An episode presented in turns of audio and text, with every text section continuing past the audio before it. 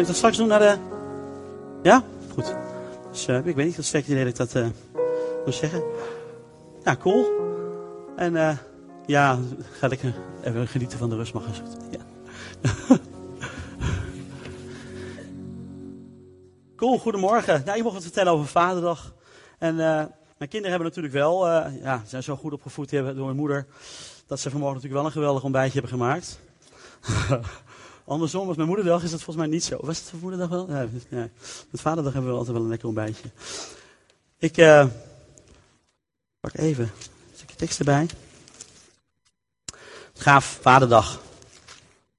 Kan ik nu zeggen? Ik, uh, ja, ik kon dat een aantal jaren geleden kon ik dat uh, helemaal niet zeggen. Toen ik tien jaar geleden hier tot geloof kwam en in de kerk kwam, toen ja, vond ik het geweldig. Dus uh, de meeste mensen hebben glorie, halleluja. Ik heb Jezus ontmoet. Ik heb Jezus leren kennen. Wat gaaf. En Jezus geneest. En Jezus bevrijdt. En Jezus redt. En Jezus helpt mij. En oh, de Heilige Geest. Oh, tof. Als ik ga staan, dan raakt de Heilige Geest me aan. En oh, de Heilige Geest is zo gaaf. En zo geweldig. En dan bid ik in klanktaal. En ik ontvang woorden en profetieën. En oh, het is zo'n geweldig leven met Jezus en met de Heilige Geest. Oh, zo gaaf en zo mooi. En ik spreek regelmatig mensen. Oh, wat gaaf. Jezus en de Heilige Geest. En dan komt het op God. Dan zeg je, joh, maar God is je liefhebbende vader. Ja, ja, ja, ja. Nee, maar God is je liefhebbende vader. Ja, nee, ja, weet je, Jezus, Heilige Geest, super gaaf, super tof, raak me aan, geweldig leven. Maar God als, als liefhebbende vader, oké, ja, dat, ja, dat is niet voor mij. En daar wil ik het vandaag over gaan hebben. Het is geen rocket science wat ik ga vandaag gaan vertellen, maar ik geloof dat vandaag God ons hart een stukje meer open gaat zetten voor het ontvangen van de liefde van de Vader. Ik geloof dat, uh, het is net als een ui, dat er vandaag weer een stukje schil van ons afgaat, zodat we meer mogen ontvangen van de liefde en kunnen ontvangen van de liefhebbende Vader die ons zo lief heeft in de hemel. En ja, ik merk dat het, heel veel mensen het lastig vinden om God te zien en te ontvangen als liefhebbende Vader. En, uh, en toch is God die liefhebbende Vader. En daar wil ik het vandaag over hebben. Jezus werd door de Vader namelijk gezonden met een negatief en een positief doel.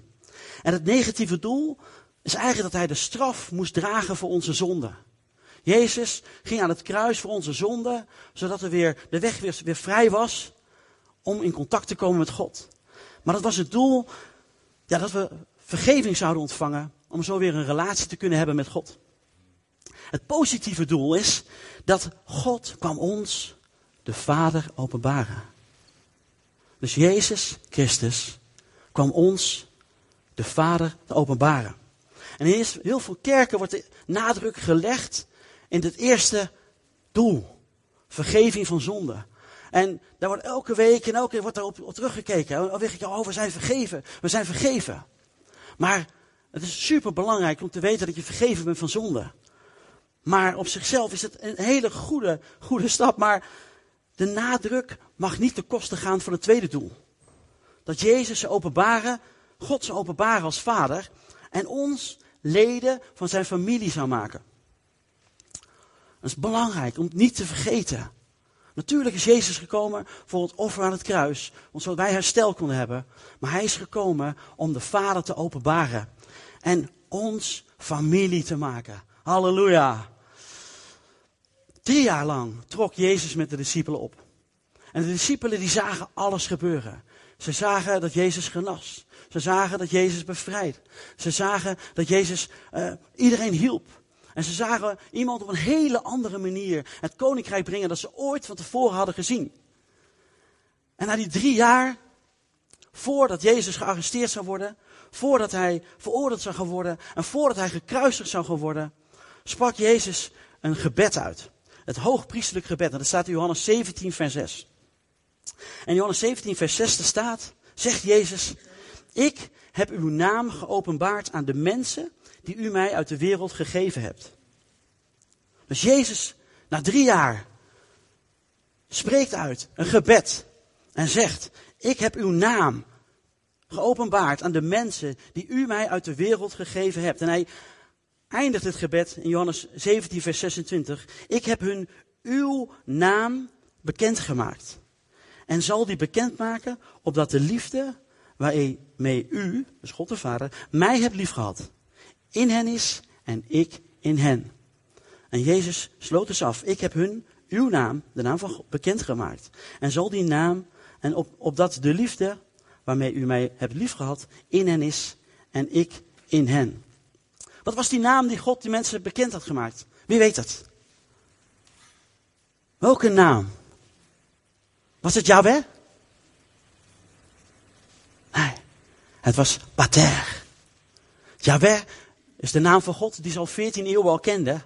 Maar je Pater, vader, was de naam die Jezus bekend maakte en hij in dit gebed bedoelt.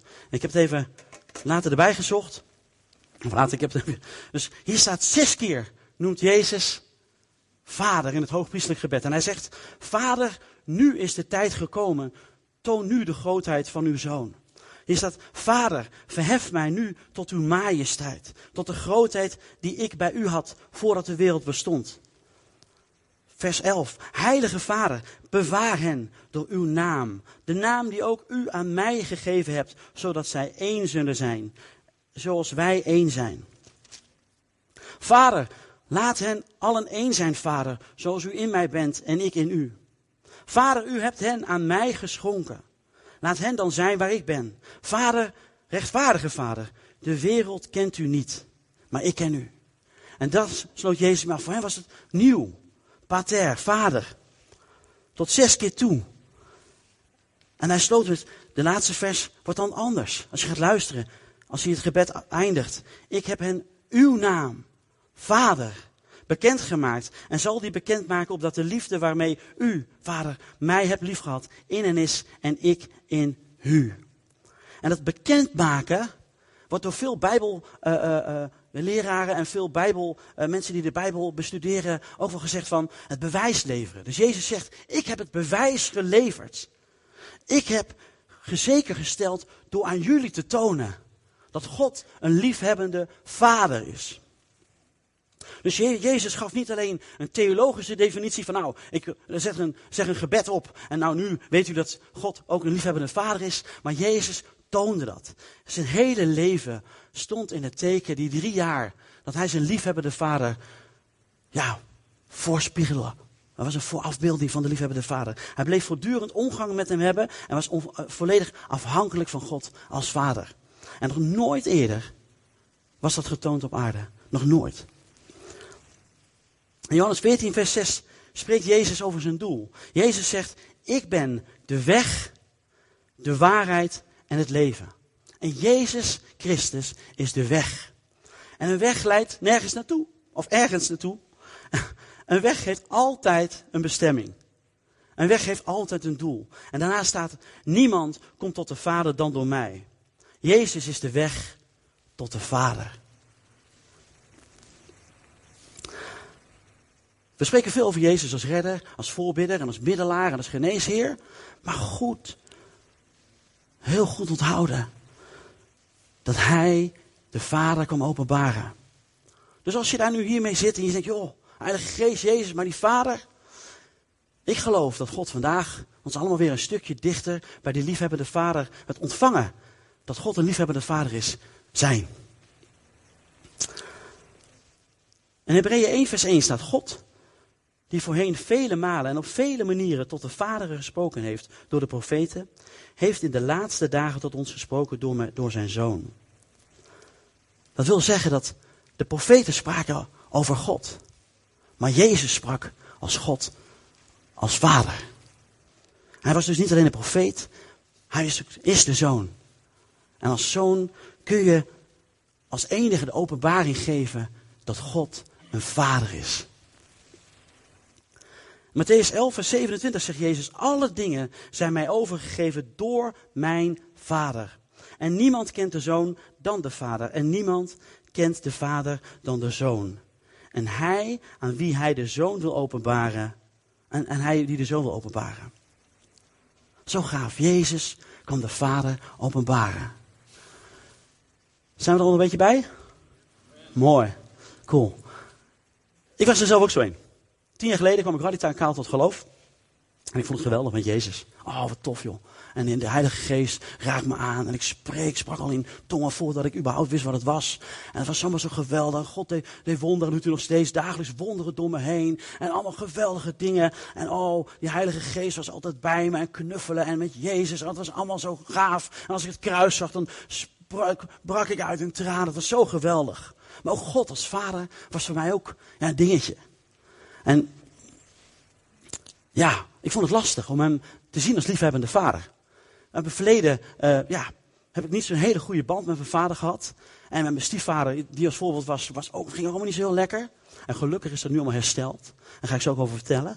Dus maar ik vond het heel lastig. Ik vond het heel lastig. Dus afgelopen, nou ja, de, de, eerste vijf, zes jaar van mijn bekering vond ik het heel lastig om God als liefhebbende vader te zien.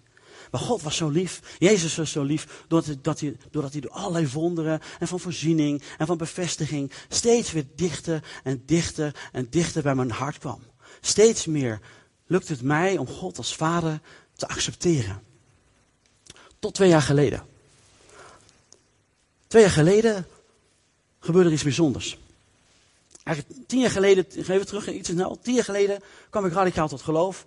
En eh, mijn ouders zijn gescheiden. Een hele periode geen contact gehad met mijn vader. Dat is niet dat mijn vader geen contact wilde met mij. Wij wilden, ik wilde geen contact met mijn vader. En gelukkig tien jaar geleden is dat contact hersteld. En na tien jaar geleden gingen we, kregen we contact met elkaar. Alles is vergeven, alles is vergeten. En we konden weer bouwen aan onze relatie. En de eerste vijf, zes jaar was het een vriend voor me. Ik ging naar hem toe en ik vond het leuk en gezellig, maar ik miste dat verlangen. Ik miste, ik dacht, ja, oké, ik vind hem super gaaf en ik ben blij met je voor. Ja, het is toch nog niet echt mijn vader, terwijl hij wel mijn biologische vader is. Maar twee jaar geleden gebeurde er iets wonderlijks. Ik was bij een, eh, bij een samenkomst en er was een spreker. En ik, ik, dat ging over een heel ander verhaal. En die spreker eh, ging terugweg in de auto. En, uh, en toen ervoer ik gewoon dat de Heilige Geest zei: Jeroen, ik wil dat je je vader gaat bellen en hem papa gaat noemen. En ik brak in de auto, nu alweer, ik brak. Dat is wat ik wil. Ik noemde hem altijd Joop, met zijn voornaam. Maar ik wilde hem papa noemen. Dus ik ging hem bellen. En ik zei, hey, uh, uh, ja, ik moet je wat vragen. Zou ik je misschien pa mogen noemen? En toen zei hij, nou Jeroen, ja tuurlijk, als het maar geen oude is. Ik zei, nee. en uh, zo gaaf. En vanaf dat moment, die twee jaar geleden, is er wat gebeurd. Want ik zie mijn vader nu echt als vader, mijn biologische vader. Maar in dat contact met mijn hemelse vader is er ook wat veranderd. Want door dat proces hier op aarde, geloof ik, is mijn hart open gegaan om God ook als liefhebbende vader te gaan zien. En het bijzondere is dat God het heeft gedaan. Want mijn vader is super trots op me, was hij daarvoor ook al. Alleen het was aan mij, ik ontving het niet. Ik had het niet door. Het, was, het lag niet aan hem, het lag aan mij. En daarom sta ik hier, omdat ik weet dat ja, de wereld is zo gebroken. En ook wij als christen hebben zoveel meegemaakt. Dat het zo super gaaf is om te gaan beseffen dat God die liefhebbende vader is. Dat Hij degene is die ons wil helpen. Kijk, en nu zit ik een heel mooi succesverhaal te vertellen van mij. Maar ik geloof dat, ook, dat het ook voor ons is. Ook voor u is, voor jou is. Voor ons allemaal. En ik geloof zelfs als het niet meer mogelijk is om contact met je vader te hebben. Dat God je vandaag wil uitnodigen om je hart te gaan openen. Om te accepteren en te gaan geloven. Want het is een stap in geloof. Dat Hij die liefhebbende vader is. En ik wil een aantal voordelen gaan over. Ik ga, ja, voordelen. Ik wil een aantal uh, dingen gaan met je gaan delen. Wat, wat een verrijking is voor je leven. Om de Vader te kennen en te accepteren zoals Hij werkelijk is. Een van die dingen is waar we veel mensen mee worstelen is met hun identiteit. Waarom zijn tv-programma's zo populair, programma's spoorloos en, en DNA, uh, DNA onbekend? Mensen zijn op zoek naar hun roots. Mensen zijn allemaal op zoek naar hun identiteit. En de Bijbel en de psychologie, die zijn het erover eens. Dat een mens niet volledig antwoord kan geven op de vraag, wie ben ik? Als hij niet weet wie zijn vader is. Zowel de Bijbel als de psychologie zegt, als een mens ja, kan geen antwoord, volledig antwoord geven. Wie ben ik? Als je niet weet wie zijn vader is. En de laatste twee generaties is er zoveel kapot gemaakt. En, en ik geloof dat de, ja, de maatschappij momenteel leidt aan een identiteitscrisis. dat we gewoon echt niet meer weten. Dat er een enorme groep mensen is die gewoon niet meer weet waar, waar hun wortels liggen. En ik geloof dat het antwoord in ons in het christendom is God als Vader. En ik geloof dat als wij mensen in een persoonlijke relatie, een persoonlijk contact brengen met Jezus Christus, geloof ik dat, ja, dat er weer hoop is. En als mensen weer werkelijk God gaan leren kennen zoals Hij is, dat die identiteitscrisis voorbij is. Daarom ik zo blij met Edward en zijn team. En ook voor alle mensen die gewoon, niet misschien op zaterdag gaan, maar door de week, mensen vertellen over die liefdevolle Jezus en over de Vader. Ik geloof namelijk dat door die identiteit er weer herstel kan komen. Het andere wat, wat ja, wat de, de, vader werkelijk kennen, wat het andere wat het geeft, is eigenwaarde. Een groot probleem voor, voor heel veel mensen is dat, en, en inclusief mezelf, dat, ja, dat we ons te weinig waarderen. Dat we onszelf niets waard vinden.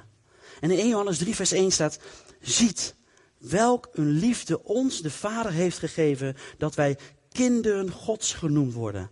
En wij zijn het ook. Wij zijn kinderen Gods. We moeten, we moeten, ja, goed doordrongen worden en raken dat we werkelijk Gods kinderen zijn.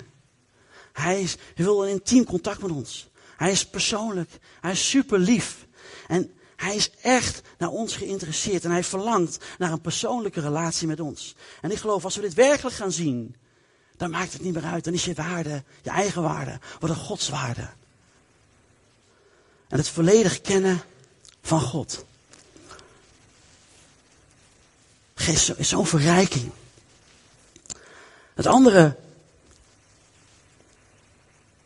ja, wat er verandert in je leven als God de Vader echt gaat leren kennen, is dat je gaat beseffen en gaat weten, 100%, dat de hemel je thuis is.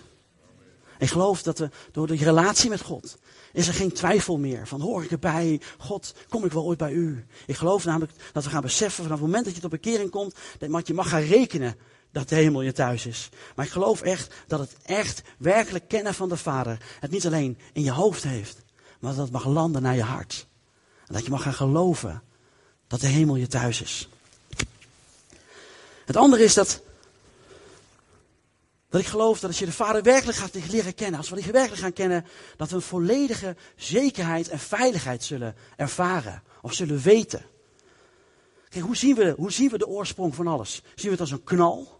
Of zien we het als een vader die ons lief heeft, die alles voorbedacht heeft, die alles in zijn hand heeft. Stel je, stel je voor, stel je voor. Een kind. Doe je anders even je ogen even dicht. Allemaal. Stel je voor een kind, ligt in de armen van zijn vader. Met zijn hoofd tegen zijn arm aangedrukt. En zijn vader heeft hem goed omarmd. En zijn ogen zitten zo tegen zijn schouder aan. En hij merkt helemaal niets. En om, om hem heen mag er onrust zijn. Om me heen mag er verdrukking zijn. De wereld kan misschien wel vergaan. Maar het kind zal rust en vrede ervaren. En zal zich geen zorgen maken over wat er om hem heen gebeurt. En waarom? Hij is veilig in de armen van zijn vader. En dit is het beeld dat God voor ons heeft. We liggen veilig in de armen van de Vader. We zijn geen slaven van angst meer. In Romeinen 8, vers 15 staat, u, wij, u en ik, hebt de geest niet ontvangen om opnieuw als slaaf in angst te leven. U hebt de geest ontvangen om Gods kinderen te zijn. En om hem te kunnen aanroepen met Abba, vader, papa. We hoeven niet meer in onzekerheid en angst te leven. Want hij is onze papa. En Jezus zegt in Lucas 11, vers 32, wees niet bevreesd. Kleine kudde, want het is het welbehagen van uw vader u het koninkrijk te geven. We zijn misschien een kleine kudde. We voelen ons misschien klein in deze grote boze wereld. Maar God de Vader heeft, heeft zich toegewijd en wordt er blij van om ons deel te laten nemen van ons koninkrijk. En we zijn een deel van het koninkrijk.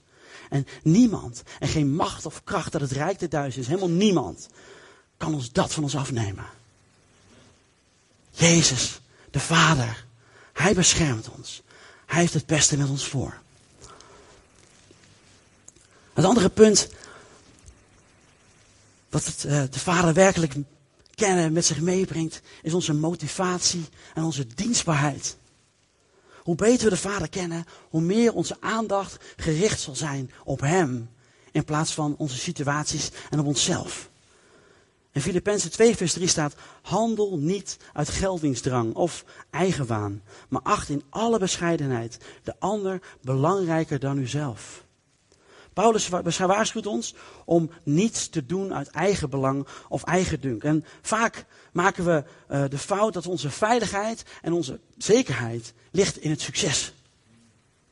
Hè, dat is, veiligheid en zekerheid ligt in succes. Dat kan met je werk zijn, dat kan met een preek zijn. Ik, oh, ik maar goed preek, want dan, dan voel ik me zeker. Maar dat maakt niks uit bij God. Natuurlijk, is ik goed preek maakt wel uit. Maar het maakt voor God. Die, die zekerheid en die, en die dienstbaarheid die mag je ontvangen. Omdat je God kent. Hoe meer we gericht zijn op ons persoonlijk succes, zul je merken hoe spannender het wordt. Hoe meer strijd er is. En hoe, uh, ja, want elke keer worden we bedreigd van, oh, die is beter dan ik, die heeft een grotere auto dan ik, oh, die kan beter leren dan ik, die heeft een betere baan dan ik. En dat blijft continu blijven in die strijd. Maar Jezus zegt, laten we onze rust vinden. De Vader heeft mij niet alleen gelaten, omdat ik altijd doe wat hem behaagt. Johannes 8, vers 29. En persoonlijk probeer ik mijn motivatie ook steeds minder te halen uit ambities. Mijn persoonlijke ambities. Dat wil niet zeggen dat ambities goed zijn. Maar ik probeer wel mijn ambities met God te gaan, aan te gaan. En met God te overleggen van, hé, hey, zijn dit zuivere ambities? Sta wat ik nu doe, is dat zuiver? Doe ik dat voor u? Of doe ik het voor mijn eigen belang? En ik geloof dat als, als discipelen van Jezus, als kinderen van God, dat we geen onderlinge concurrentie meer zullen hebben. Maar dat we gewoon met elkaar uh, ja, voor God willen gaan behagen. En is de kunst bij alles wat we doen. Ons af te vragen, oké Heer, behaag ik u hiermee? Wordt u blij met hetgene wat ik nu doe? Of is het toch een stukje van mezelf? En lieve mensen, als je met Jezus wandelt, als je met God wandelt, besef goed dat heel vaak jouw gedachten zijn gedachten zijn. Dus als je een keer een ambitie hebt om hoger op te komen in je baan, niet gelijk denken, oh, dat is mijn eigen Nee, nee, nee, nee, nee. Want ook als jouw jouw gedachten en je hart zuiver is, dan zijn dat soort plannen ook Gods plannen. Want wie wil niet dat zijn kind misschien wel een goede baan krijgt, of hogerop komt, of leert om beter te gaan zingen, ik bedenk maar wat. Dus ook dat is het verlangen van God. Alleen stoets bij jezelf hoe zuiver het is. En ik geloof als we deze zaken deze punten die sprak, als we de Vader werkelijk gaan kennen, dan zullen deze punten ons allemaal ten deel vallen. Onze identiteit, we zullen echt vrij zijn.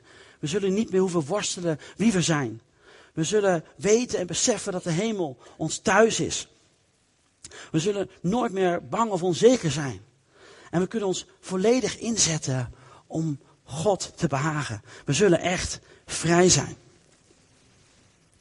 Dus als we Jezus hebben gevonden als de weg dan proberen we te komen op de bestemming bij de Vader. Amen.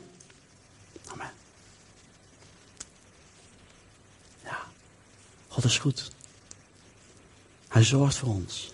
Hij zegent ons. Hij heeft het beste met ons voor. Wat zie je als je in de spiegel kijkt? Vanmorgen stond je in de spiegel, wat zie je dan? Zie je dan een, een mooie jonge vrouw? Of een mooie man? Of zie je allerlei oneffenheden? Zie je misschien een uh, paar kilootjes te veel? Misschien zeg je wel, nou, mijn kapsel zit er dit jaar dit niet uit. Of misschien uh, denk je van, nou, wie ben ik? Wie zie je als je ochtends in de spiegel staat? Zie je een kind van God? Of zie je misschien iemand met een schuldgevoel? Lieve mensen, jullie zijn geliefde kinderen van God. Jullie zijn geliefde kinderen van God. En jullie vindt God vreugde. Hij danst over jullie. Hij is blij over jullie. Jullie zijn geliefde kinderen van God. Niet vergeten. Luister goed. In Romeinen 9, vers 12. Daar staat: God kiest de mens niet uit op grond van zijn daden, maar omdat hij hem roept. Nogmaals, God kiest de mens niet uit op de grond van zijn daden, maar omdat hij hem roept. Jullie zijn geliefde kinderen van God. In de wereld moet je eerst bewijzen. Eerst een diploma halen voordat je verder kan. Bij God is het andersom. Bij God word je eruit gepikt. En bij God word je eerst bevestigd voordat je aan de slag gaat. Dat is andersom. En bij God roep je bij naam en verzekert je dat je kind mag zijn. En wie je bent is belangrijker dan wat je doet. Spreek ik dagelijks uit naar mijn kinderen. Papa houdt van je om wie je bent en niet om wat je doet. En ik ben God niet. Dus voor mij is het een keuze om dat te doen. En dat valt niet mee. Maar bij God kan het vol zekerheid zeggen. Wie je bent is belangrijker dan wat je doet. Amen. Marcus 11, vers 1 vers 11. God zegt tegen Jezus, jij bent mijn geliefde zoon. In jou vind ik vreugde. God zegt tegen jullie, jullie zijn mijn geliefde zonen en dochters. En jullie vind ik vreugde. Ik word blij van jullie. Jezus wordt bevestigd in zijn identiteit. En wie hij is, bepaalt wat hij doet. En niet wat hij doet, bepaalt wie hij is. En zo is het ook voor ons. Je zult bij mensen gaan zien, een verandering. Om wie ze zijn. En gaan ze doen. In plaats van eerst doen om te worden en het te verdienen. Bij God is het andersom. En in Efeze 1, vers 5 tot en met 6, daar staat. Hij heeft ons naar zijn wil en verlangen voorbestemd om in Jezus Christus zijn kinderen te worden. We zijn die kinderen van God. Tot eer van de grootheid van Gods genade, ons geschonken in zijn geliefde zoon. Nogmaals, jullie zijn zijn geliefde kinderen. Oh, zo gaaf. En ik wil vandaag echt, ja, echt voor u gaan bidden. Want nogmaals, het kan nu bij je hoofd binnenkomen. Ik heb het vandaag een beetje kort. Ik denk, het is vaderdag. Veel mensen moeten nog misschien nog even weg vanmiddag. en, uh, maar besef goed. Het horen, het accepteren, het ontvangen en het doorgeven is een proces. Misschien zit je hier nu en denk je, ja Jeroen, mooi verhaal. Maar zover ben ik nog niet. Maar ik geloof dat vandaag de eerste stap, een stapje dichterbij is. Bij het kennen van God. En God wil ons, ons helpen. En daar wil ik jullie vragen om te gaan staan. En wil ik voor jullie gaan bidden. Suzanne mag uh, alweer spelen, ja. Ik vind dat mooi met een melodie op de achtergrond.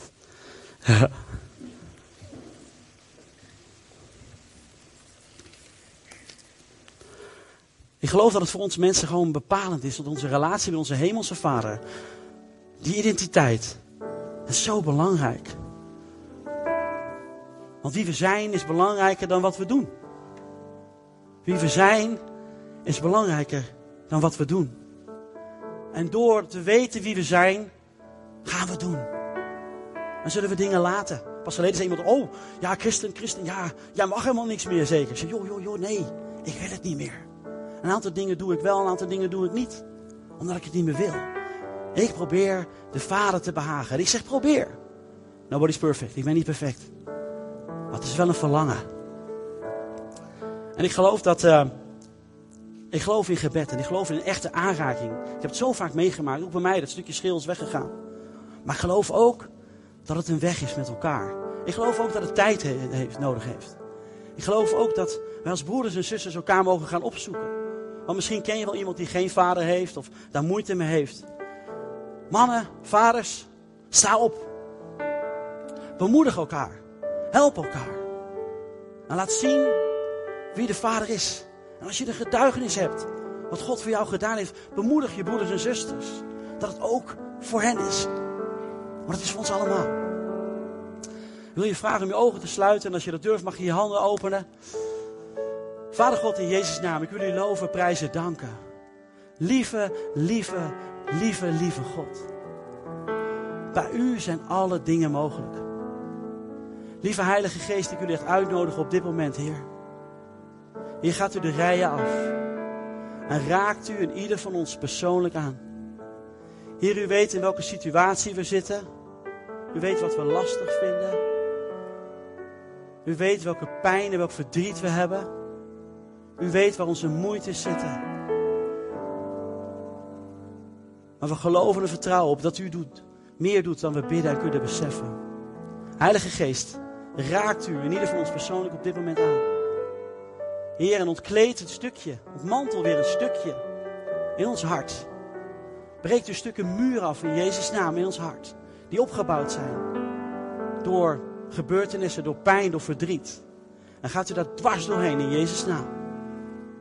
Om weer vanaf vandaag een transformatie mee te mogen maken. Om meer van de liefde van de Vader te ontvangen. En misschien zitten er ook wel mensen in de zaal die God nog geen papa noemen. Ik geloof dat het meest intiem is hoe je je vader kunt noemen, is papa. En ik bid zo in Jezus' naam dat we het mogen gaan uitspreken naar onze vaders. Maar bovenal naar onze hemelse vader.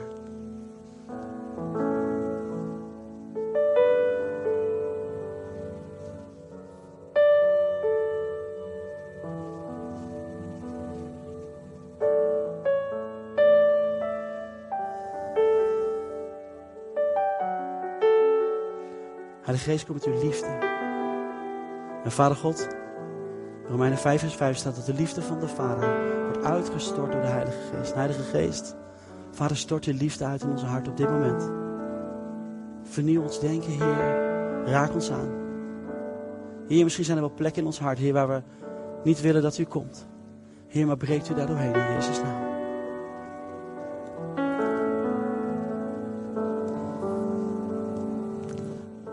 Ik wil een oproep doen naar de dienst. Als je zegt, joh, ik wil toch nog een stukje verder bidden. Er is een uh, gebedsteam. En uh, je mag bij mij komen, ik ga bij het kruis staan. Zeg, joh Jeroen, ik heb wat dingen gehoord, dat wil ik met je bespreken. Of misschien zeg je, joh, kun je voor me bidden, ik wil het graag doen. Misschien heb je nog genezing nodig. Of zeg je ergens aan vast. Zeg, joh, kun je voor me bidden? En bidden betekent, we brengen je bij Jezus. We brengen je bij Jezus aan het kruis. Amen.